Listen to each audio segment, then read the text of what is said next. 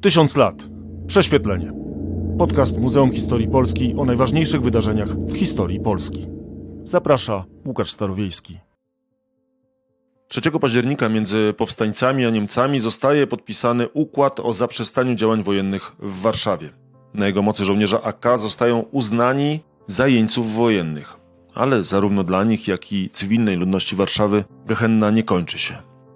Właśnie o tej Gehennie, wygnaniu z Warszawy, w której według różnych szacunków wzięło udział od 350 do aż 650 tysięcy osób, Gehenny nieraz kończącej się śmiercią, często w obozach koncentracyjnych lub jenieckich, porozmawiam z Sebastianem Pawliną, historykiem, autorem książek, pracownikiem Muzeum Historii Polski.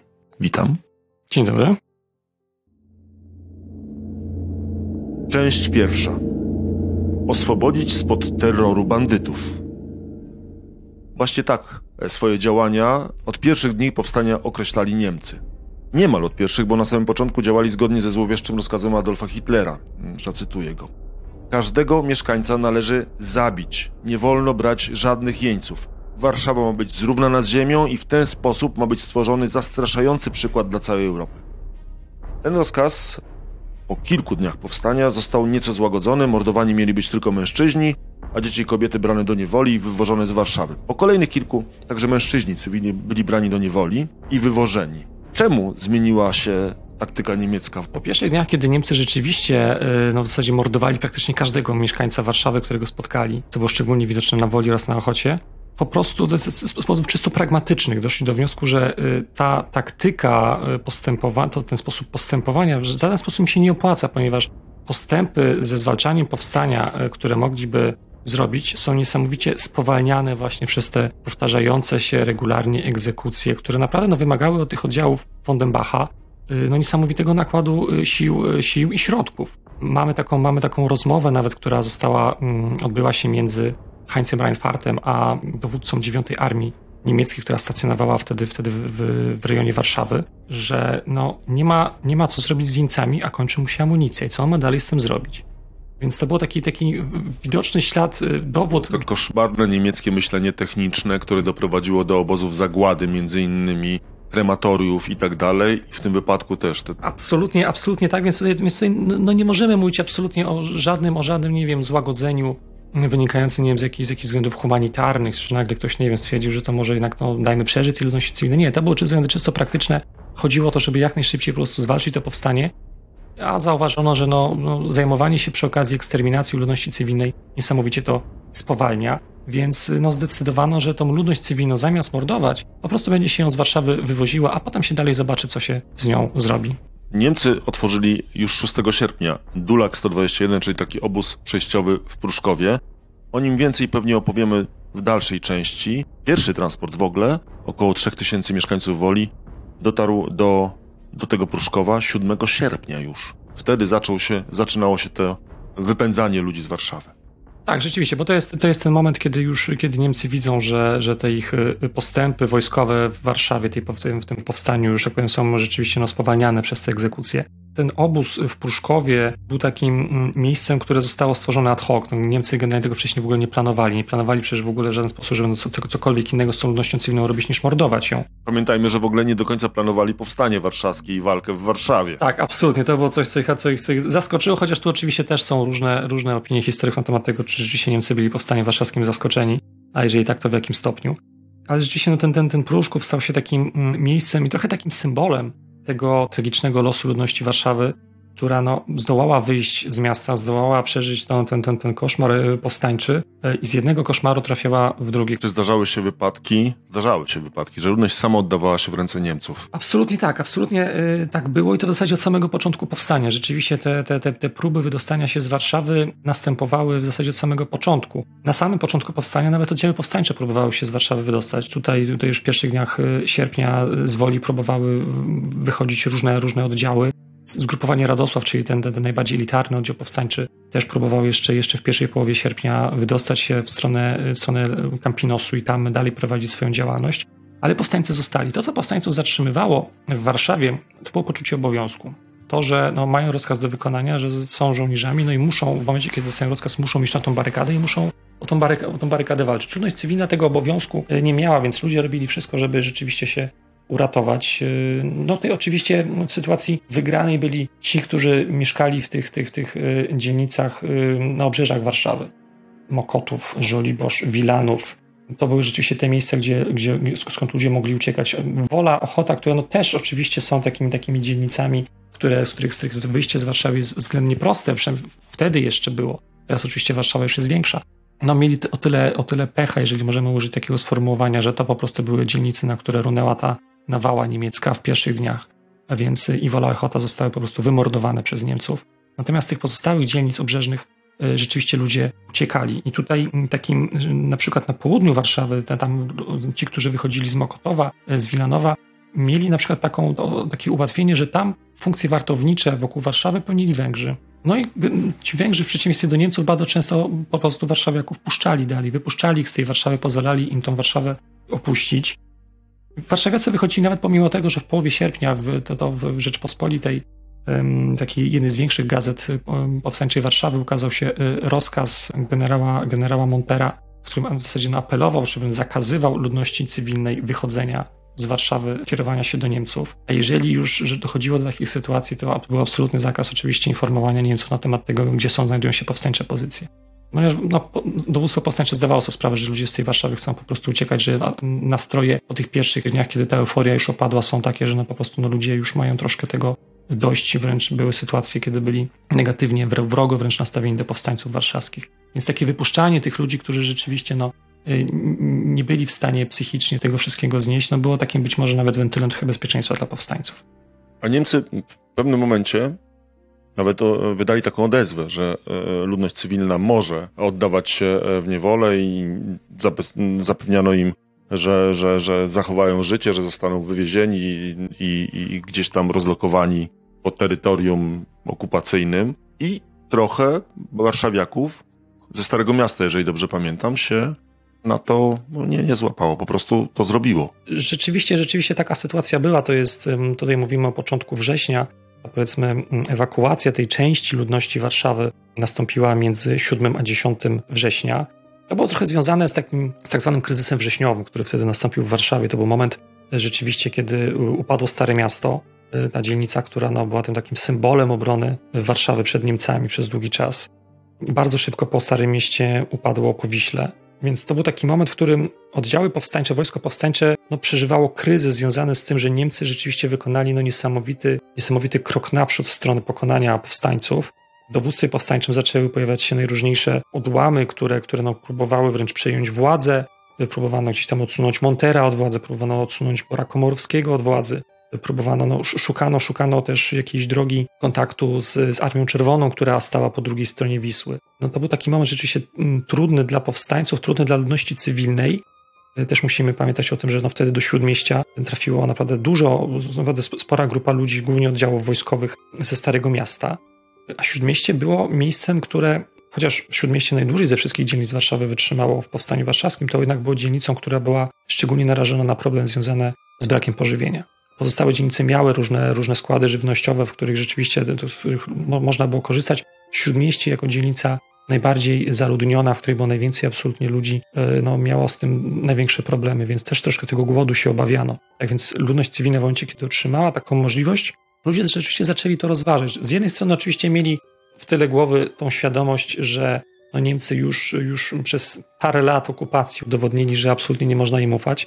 Poza tym no, były świeże, absolutnie świeże te, te przypadki y, rzezi woli, y, rzezi ochoty, mordów, do których dochodziło na Starym Mieście, bo też pamiętajmy, że pomimo tego, że jak wcześniej mówiliśmy, Niemcy troszkę zmienili tą strategię, taktykę postępowania w stosunku do ludności cywilnej, to jednak dalej dochodziło do tych mordów. Y, wiele osób, które znalazło się w szpitalach na Starym Mieście, po prostu no, zostało tam zamordowanych, spalonych żywcem. Więc y, ludność cywilna w Śródmieściu, mając tego świadomość, no, miała też wątpliwość, czy wychodzić, czy zostawać. Ale jednak duża grupa... Jaki to musiał być akt desperacji?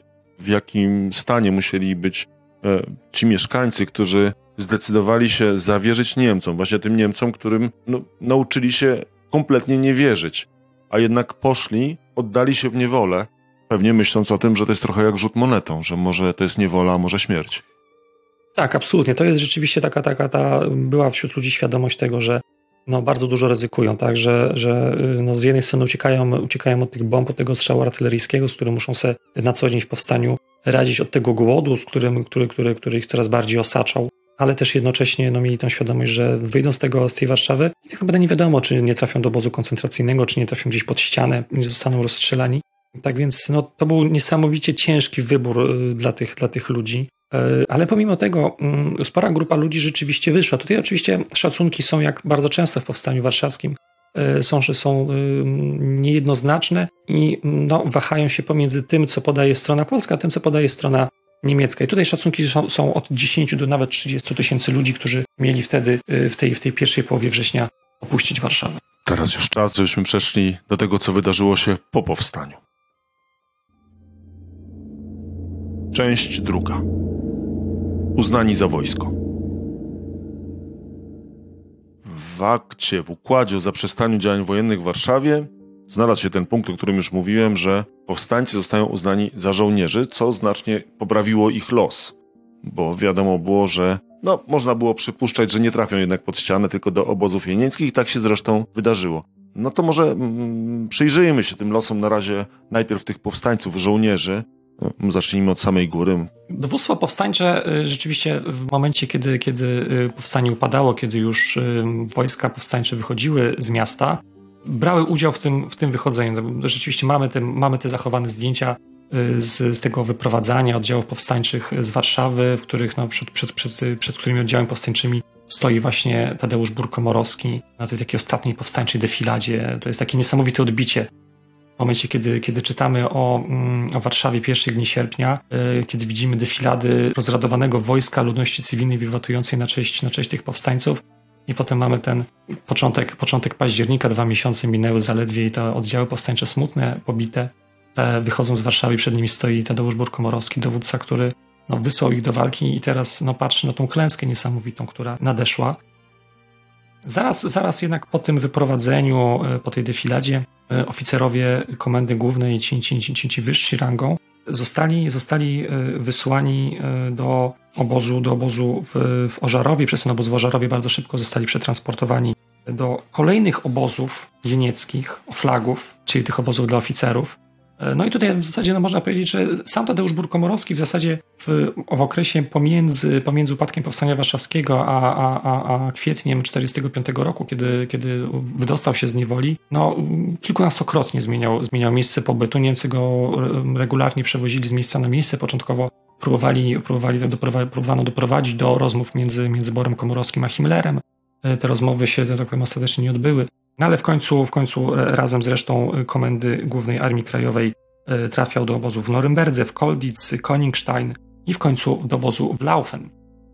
W obozie w Laufen, w którym, w którym znajdowali się też na początku mm, kwietnia 1945 roku, 14 kwietnia dokładnie, czyli dwa dni po tym, jak, e, jak z, z obozu w Oberlangen zostały wyzwolone kobiety, które walczyły w powstaniu warszawskim, do tego obozu, w którym wtedy przebywali oficerowie Komendy Głównej Armii Krajowej, przyjeżdżają gestapowcy. Gestapowcy, którzy od komendanta obozu żądają wydania Bora Komorowskiego oraz oficerów, którzy mu, którzy mu towarzyszyli. No, możemy tylko się domyśleć, co planowali zrobić. Komendant, komendant y, początkowo odmówił tego. No, zdawał sobie sprawę z tego, że wojna się kończy i że takie no, współdziałanie z gestapo, tak powiem, no, w prawdopodobnym zabiciu y, dowódców Armii Krajowej może dla niego się w przyszłości źle skończyć. Dlatego na razie się powstrzymywał przed tym, przed wydaniem tych oficerów.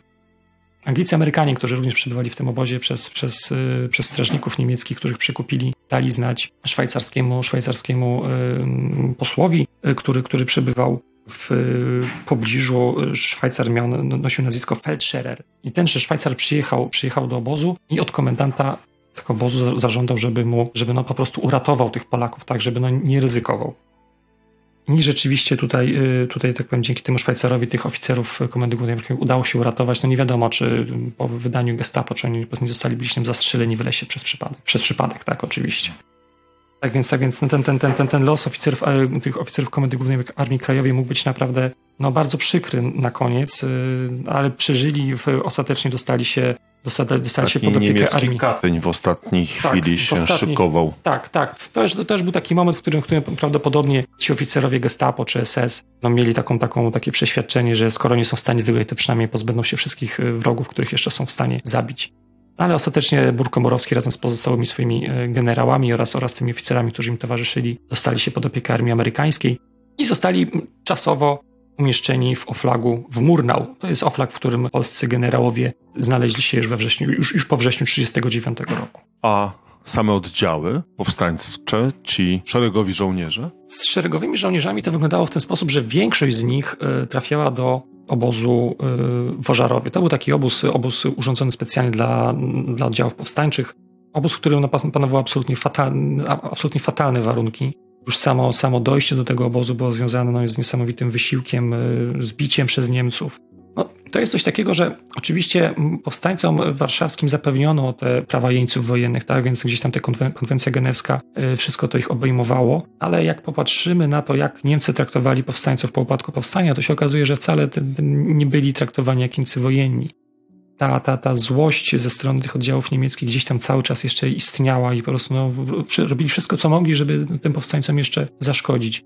Do, do, do kolejnych obozów, już w momencie, kiedy opuszczali Ożarów, do obozów y, jenieckich, Lambsdorff, Sandbostel, y, Altengrabow y, byli przewożeni bydlęcymi wagonami, w których wielu z tych powstańców po prostu zmarło. Wycieńczeni po dwóch miesiącach walk, często ranni, głodni, umierali, umierali gdzieś tam na, na deskach. Tak więc no, nie znamy, nie znamy y, dokładnej liczby, ilu powstańców mogło w ten sposób jeszcze stracić życie, y, ale nie miało to nic absolutnie wspólnego z, mm, z funkcjonowaniem, z funkcjonowaniem jak, jako jeniec wojenny. czy były jakieś niezwykłe historie związane z żołnierzami wywożonymi, wygnanymi z Warszawy? Takich historii w zasadzie tutaj trudno, trudno wskazać jakieś, jakieś takie historie, które byłyby rzeczywiście niesamowicie spektakularne. To nie było raczej takich ucieczek, y, o których byśmy myśleli w kategoriach jakichś, jakichś niesamowitych filmów wojennych. To był moment, w którym powstańcy warszawscy byli niesamowicie przybici. Upadek powstania warszawskiego dla wielu z nich był, był, był tragedią wynikającą nie tylko z tego, że przegrali bitwę, ale także z tego, że pewne ich marzenia y, o wolnej Polsce, o tym, że oni do tej wolnej Polski będą w stanie, tak powiem, doprowadzić, legły w gruzach. Dosłownie legły w gruzach razem z tą Warszawą, którą zostawiali za sobą, że mieli to poczucie klęski, którą za sobą zostawili. I tą klęskę też często widać w ich, w ich, własnych, w ich własnych wspomnieniach, zapiskach. Jednym z takich przykładów jest tutaj zmarły, zmarły przed trzema laty generał Zbigniew Ścibor-Rylski. Zbigniew Ścibor-Rylski był oficerem Armii Krajowej, który jako, jako jeden z wielu zresztą oficerów, w ogóle żołnierzy Powstania Warszawskiego, nie poszedł do niewoli. On wyszedł, on wyszedł z Powstania Warszawskiego, wyszedł z Warszawy y, razem z ludnością cywilną, poszedł do Pruszkowa i w tym Pruszkowie dzięki różnym kontaktom y, konspiracyjnym udało mu się z tego Pruszkowa po prostu wydostać. Następnie gdzieś tam, gdzieś tam znalazł jakiś tam kontakt w Milanówku i wrócił, wrócił do konspiracji. Jeszcze przez parę miesięcy rzeczywiście tej konspiracji działał, ale wiosną 1945 roku doszło do sytuacji, w której no, stwierdził, że to już chyba koniec tej wojny dla niego, że on już nie będzie dalej walczył. Jego matka zapisała po latach w swoich wspomnieniach y, takie, takie y, zdanie, które no, jest nies- niesamowicie przykre, że jej kochany synek zdał sobie w końcu sprawę z tego, że ta wojna, którą toczył, ta nadzieja o tej wolnej Polsce, którą, którą żył przez całą wojnę, legła w gruzach i że to wszystko już nie ma sensu, więc on już po prostu się wycofuje z tej wojny i wraca do normalnego życia. Więc ja myślę, że to był taki moment, w którym oni nie, wielu z nich już nie myślało o, o tym, żeby dalej toczyć walkę, ale żeby po prostu wrócić do normalnego życia, do swoich bliskich, do żon, do dzieci, do rodziców, których zostawili, o których nawet często nie wiedzieli, co się z nimi stało, czy w ogóle przeżyli powstanie. W ten sposób przechodzimy do ludności cywilnej, czyli przeważającej większości wygnańców z Warszawy. Część trzecia. Wygnańcy.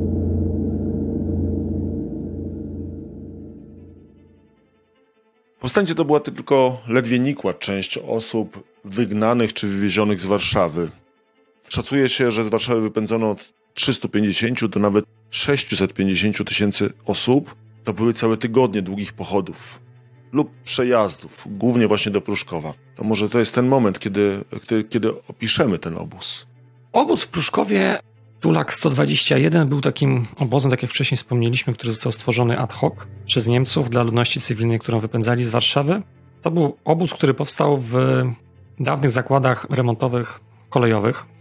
Zakłady istniały w ogóle od, od XIX wieku, Wielki, wielki, wielki obszar, 50 hektarów, na których znajdowało się 13 gigantycznych, gigantycznych hal, w których wcześniej naprawiano parowozy, składy kolejowe. Dla ludności cywilnej Warszawy, dla powstańców, którzy też tam trafiali, bo nie wszyscy przechodzili przez Ożarów, przeznaczono 9 hal.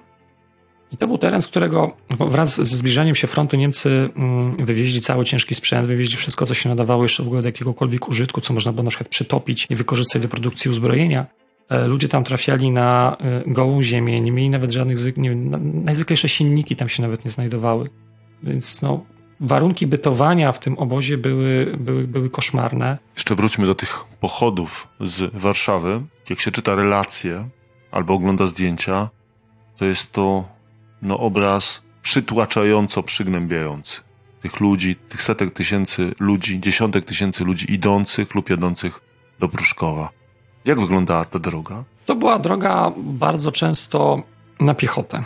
Bardzo często na piechotę, ponieważ rzeczywiście no, nie, każdą, nie każdą grupę ludności Niemcy byli po prostu w stanie przewieźć pociągami gdzieś tam do tego Pruszkowa, więc często ludzie no, wycieńczeni tygodniami pobytu w piwnicach. Nawet y, mówi się o, o, takiej właśnie chorobie, chorobie piwnicznej w Powstaniu Warszawskim, że ludzie całe tygodnie tam spędzali. Potem w momencie, kiedy powstanie się skończyło i nagle wyszli z tych piwnic, no po prostu nie byli w stanie funkcjonować na powierzchni. Słońce ich raziło, mieli problem z utrzymaniem równowagi.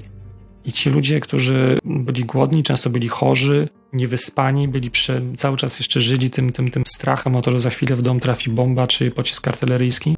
E, nagle musieli brać wszystko to, co jeszcze im zostało z ich dobytku, rzucać gdzieś, nie wiem, na jakieś wozy, brać, brać na plecy i iść do tego obozu. W zasadzie no nie wiadomo było po co, tak? Czy, czy, czy, czy coś, czy, czy trafią dalej gdzieś, nie wiem, na jakieś roboty przymusowe, czy, czy trafią do obozów koncentracyjnych. Nie wiedzieli, co się, z nimi, co, co się z nimi będzie działo, więc bali się już tego. I często wycieńczeni dochodzili do tego obozu, e, ale też wiele osób e, jednak jechało tymi pociągami, tak? Tutaj możemy powiedzieć od razu o takiej e, akcji pomocy, którą organizowano, tak zwana akcja Peron, polegająca na tym właśnie, że, że ludzie jadący tymi pociągami do Pruszkowa, z dworca zachodniego, w pewnych momentach te pociągi po prostu zwalniały i wtedy albo ludzie wyskakiwali z tych pociągów i uciekali, albo na przykład e, ludność okoliczna e, przynosiła im pożywienie, przynosiła im wodę, przynosiła im jakieś koce, nie wiem, środki medyczne, żeby ci po prostu ludzie mieli cokolwiek ze sobą mogli zabrać jeszcze do, do obozu w Pruszkowie, no bo też bardzo często bywało tak, że po prostu ci ludzie z Warszawy wychodzili nie mając absolutnie nic, nic poza tym, co mieli na sobie. A jakoś musieli te zbliżające się tygodnie i miesiące, pamiętajmy, to jest początek października, tak? To jest, to jest moment, w którym rzeczywiście już zaczyna robić się zimno, kiedy, kiedy już nawet nie tylko noce, ale też dni są bardzo chłodne, więc trzeba sobie jakoś z tym wszystkim było radzić. No i potem docierali do tego obozu. No i tam w tym obozie bardzo często dochodziło do, do w zasadzie regularnie dochodziło do scen, do scen przerażających, w których rodziny były rozdzielane. Ponieważ obóz funkcjonował w ten sposób, że każda hala była w zasadzie przeznaczona dla osobnej grupy ludzi. Tak? W jednej hali znajdowali się, znajdowali się powstańcy, w innej hali znajdowała się młodzież na przykład, która była podejrzewana o to, że mogła znajdować się właśnie w Armii Krajowej i następnie była wywożona gdzieś do obozów koncentracyjnych. W innych, w jednych halach znajdowały się kobiety z dziećmi, w innych halach sami mężczyźni. Więc te rodziny były rozdzielane, tam dochodziło do absolutnie, do absolutnie strasznych, przerażających scen, kiedy ludzie no, czepiali się siebie, próbowali, próbowali się jakoś utrzymać razem, ale jednak Niemcy ich siłą, bijąc kolbami, krzycząc, popychając, rozdzielali, wysyłali do tych hal, których no, nie mieli możliwości nawiązania żadnego kontaktu potem między sobą. I to były bardzo często ostatnie chwile, kiedy rodziny się w ogóle widziały. Niejednokrotnie było tak, że potem, czy to, nie wiem, ojciec rodziny, czy, czy, czy matka umierali gdzieś tam z powodu chorób, z powodu wycieńczenia. Już więcej się nie widzieli, więc no ten, ten, ten Pruszków był dla wielu rodzin takim ostatnim momentem, kiedy się widzieli. Część trafiła osób do obozów koncentracyjnych, część do pracy w głębi Niemiec. Niewiele osób było relokowanych, że tak powiem, i wypuszczanych na wolność. Osób, które tak naprawdę puściły obóz y, w sposób, sposób taki, no powiedzmy, samodzielny, było względnie niedużo. Tutaj się mówi o mniej więcej 30 tysiącach osób, które, które wyprowadzono z tego obozu. I wśród tych 30 tysięcy osób, na przykład, co jest rzecz, rzecz, rzecz ciekawa, znalazł się między innymi były prezydent Rzeczpospolitej Polskiej Stanisław Wojciechowski, wtedy już starszy, siwiutki pan, który ledwo, ledwo chodził. To byli ludzie, którzy byli wyprowadzani najróżniejszymi sposobami. Tutaj bardzo duży udział w, w, w tym ratowaniu ludzi miała Rada Główna Opiekuńcza, miała konspiracja, która funkcjonowała w okolicach Warszawy. To byli, rzeczywiście to był moment, w którym ci ludzie wychodzący mieli też no, takie pewien, ściągali na siebie pewne ryzyko, związane z tym, że wyjście poza obóz y, i zamieszkanie gdzieś w okolicy Warszawy, nie mając meldunku w danej miejscowości, mogło się po prostu skończyć tym, że ci ludzie zostaliby aresztowani, na nowo wysłani do Pruszkowa, a być może nawet od razu gdzieś do jakiegoś obozu koncentracyjnego. Bo Niemcy bardzo często robili takie właśnie naloty na okoliczne, na okoliczne miejscowości, te, te, te podwarszawskie, na tych terenach, na których oni jeszcze mieli swoje, swoje oddziały i po prostu sprawdzali, czy ktoś ma meldunek w danym miejscu. Jeżeli nie, to go aresztowali, zabierali, więc bardzo często też młodzież w ogóle ukrywała się przed takimi nalotami. Tak więc te, te 30 tysięcy osób, które, które opuściły Pruszków, to jest rzeczywiście ta grupa, która wyszła, no powiedzmy, w sposób samodzielny, niekontrolowany przez Niemców. Dużo osób zginęło w Pruszkowie? Mamy jakieś takie szacunki? Myślę, że kilkadziesiąt, może kilkaset osób, y, które, które, które zmarły z, z chorób, z ran, z wycieńczenia, zastrzelone przez Niemców. Natomiast z takimi y, szacunkami y, ściśle, które rzeczywiście pokazałyby w sposób ścisły, ile to osób mogłoby się tutaj, no, raczej, raczej się nie, nie spotykamy, ponieważ no, też tego nikt nie prowadził. To był obóz, w którym absolutnie, jak wspomnieliśmy, nie, nie obowiązywało praktycznie żadne zasady. Jeśli chodzi o tę gehennę wygnańców, to tu postawimy sobie kropkę. Ale pozostała nam jeszcze jedna grupa warszawiaków po powstaniu. Mała grupa, ale niezwykła. Część czwarta. Robinsonowie. Stoi mi cały czas przed oczami taki kadr czarno-białego filmu. Przeraźliwie chudy człowiek wychodzi z piwnicy, z domu. Pierwszy raz od wielu dni odważa się wyjść ze swojej kry kryjówki, oślepia go światło, widzi wokół siebie morze ruin, nie przypominających niczym to, co pamiętał. Jest oszołomiony, no ale jednak ocalony. To oczywiście kadr z filmów Romana Polańskiego, pianista a ta osoba z tego filmu to prawdziwy bohater Władysław Szpilman. Mm, autentyczna postać, takich jak on, ludzi, którzy przeżyli w ruinach miasta, według szacunków było około tysiąca i nazywamy ich Robinsona. Tak, to jest rzeczywiście grupa, o której e, bardzo często się zapomina, mówiąc o Powstaniu Warszawskim.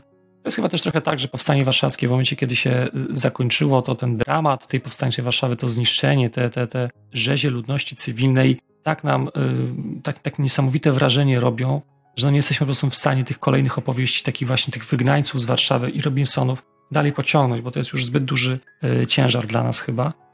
I przez to trudno dzisiaj mówić w sposób pewny o Robinsonach, ponieważ jest to grupa absolutnie najsłabiej przebadana, jeżeli chodzi o całe powstanie warszawskie. Wszystkim trudno sobie w ogóle wyobrazić, jak takie badania mogłyby wyglądać.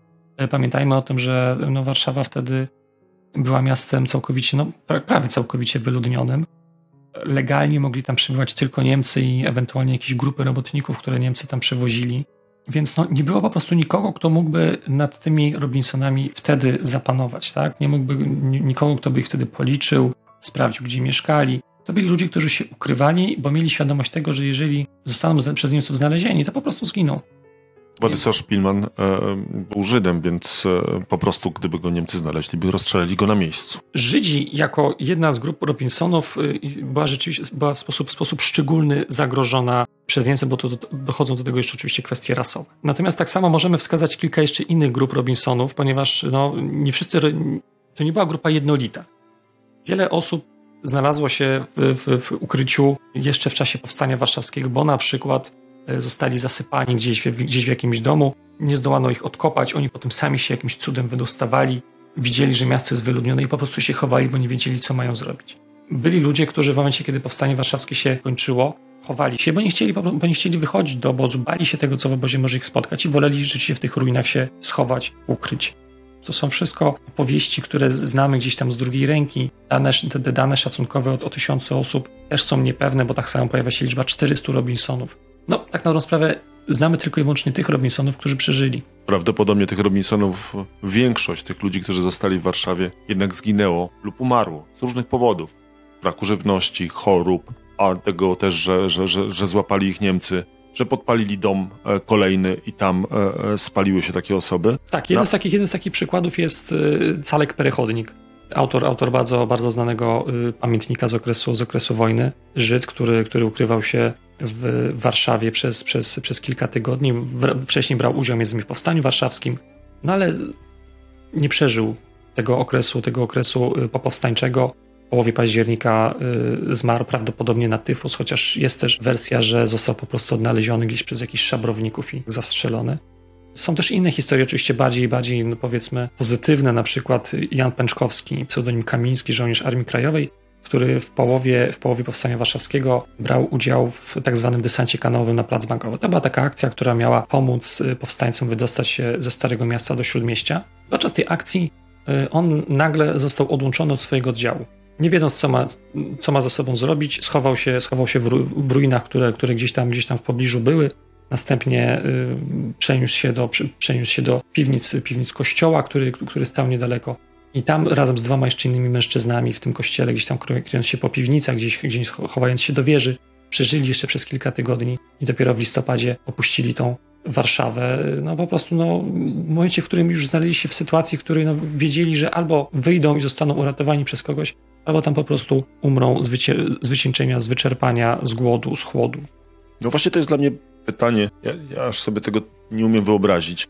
Jak to jest możliwe, że ci ludzie, jak Szpilman na przykład, przeżyli ten czas jesienno-zimowy, nie ma ogrzewania, bez żywności, nie ma dostaw żywności. Jak to jest możliwe, żeby trzy miesiące przekoczować, koczować w takich, takich, takich ruinach i przeżyć? Tak, to jest rzeczywiście coś, co myślę, że nie wiadomo, ile byśmy y, tutaj materiałów źródłowych znaleźli, relacji byśmy nie poznali. To jest coś, co umyka nam w ogóle w jakimkolwiek sposób naszemu rozumieniu. To jest, to jest pewien sposób funkcjonowania, który no, wydaje się, że nie ma nic wspólnego z normalnym życiem. To jest po prostu walka o przetrwanie, w której y, no, górę biorą instynkty absolutnie pierwotne, zwierzęce wręcz. Bardzo często, bardzo często dochodziło do sytuacji, w których, no bo wielu Robinsonów żyło w grupach. Wiadomo, w grupie było o wiele łatwiej przeżyć, tak? Ktoś się zajmował szukaniem żywności, ktoś szukał, ktoś szukał yy, wody, Ci ludzie po prostu chodzili, szukali, e, przewalali najróżniejsze, najróżniejsze skrytki, wchodzili do sklepów, które jeszcze, które jeszcze nie zostały, gdzieś tam nie, nie znalazły się w gruzach. Wyszukiwali wszystko po prostu, co się dawało zjeść, co się dawało wypić, ale też bardzo często było tak, że oni rzeczywiście no, marzli w sposób niesamowity, ponieważ nie bardzo mieli możliwość rozpalania ognisk, ponieważ dym wydobywający się z takiego ogniska no, był, był, był dla Niemców od razu sygnałem, że tam ktoś żyje i że tam trzeba pójść i tego kogoś po prostu zabić. Więc robiono wszystko, żeby, żeby rzeczywiście ten, ten, ten dym się w ogóle nie unosił, więc to były no, opowieści, które, które dzisiaj słuchamy na temat survivalu, gdzieś tam w porównaniu z tym, co przeżywali Robinsonowie warszawscy, to są takie opowieści dla grzecznych dzieci troszkę. Robinsonowie są grupą rzeczywiście absolutnie niesamowitą grupą trochę, można powiedzieć, nawet zmitologizowaną na, na swój sposób. Jest taka opowieść o człowieku, który no, nosił pseudonim Ares. On się pojawia w wielu, wielu opowieściach Robinsonów warszawskich. Ktoś, kto wędrował po Warszawie w momencie, kiedy już powstanie warszawskie się skończyło, kiedy Niemcy burzyli to, co zostało z Warszawy, i on tych Niemców zaczął zabijać. Gdzieś rzucił granat, gdzieś, gdzieś podłożył jakiegoś trupa, prowadził taką trochę taką wojnę psychologiczną z Niemcami ale nigdy nie udało się go Niemcom złapać, nigdy nikt się nie dowiedział, jak się naprawdę nazywa. Być może był właśnie taką trochę postacią, której ci Robinsonowie sami potrzebowali, sami sobie go stworzyli, takiego swojego obrońcę. I mściciela. Mściciela, dokładnie tak. Zresztą samo to, że już używał pseudonimu Ares, tak, czyli tego mitologicznego boga wojny. To jest właśnie taki, taki przykład pokazujący, że to jest grupa, która no, miała taką niesamowitą potrzebę właśnie znalezienia kogoś, kto będzie za nich się właśnie mścił, kto będzie ich bronił, chronił. No bo oni sami po prostu czuli, że, że są w zasadzie no, wydani trochę na pastwę losu. No, wiedzieli, że w każdym momencie śmierć może, się, może ich spotkać. Bez puenty. Bardzo dziękuję za rozmowę. Dziękuję. Niezwykłe te historie warszawiaków po powstaniu. Moim gościem był Sebastian Pawlina, historyk, pisarz, pracownik Muzeum Historii Polski. Do usłyszenia. Łukasz Starwiejski. Tysiąc lat. Prześwietlenie podcast Muzeum Historii Polski o najważniejszych wydarzeniach w historii Polski. Posłuchaj innego podcastu o Warszawie czasów wojny pod tytułem Kobiety w Powstaniu Warszawskim. Podcastów Tysiąc lat prześwietlenie wysłuchasz na YouTube, Spotify, Google Podcast, Audiotece, a także na innych platformach podcastowych. Chcesz być na bieżąco? Subskrybuj kanał Muzeum Historii Polski.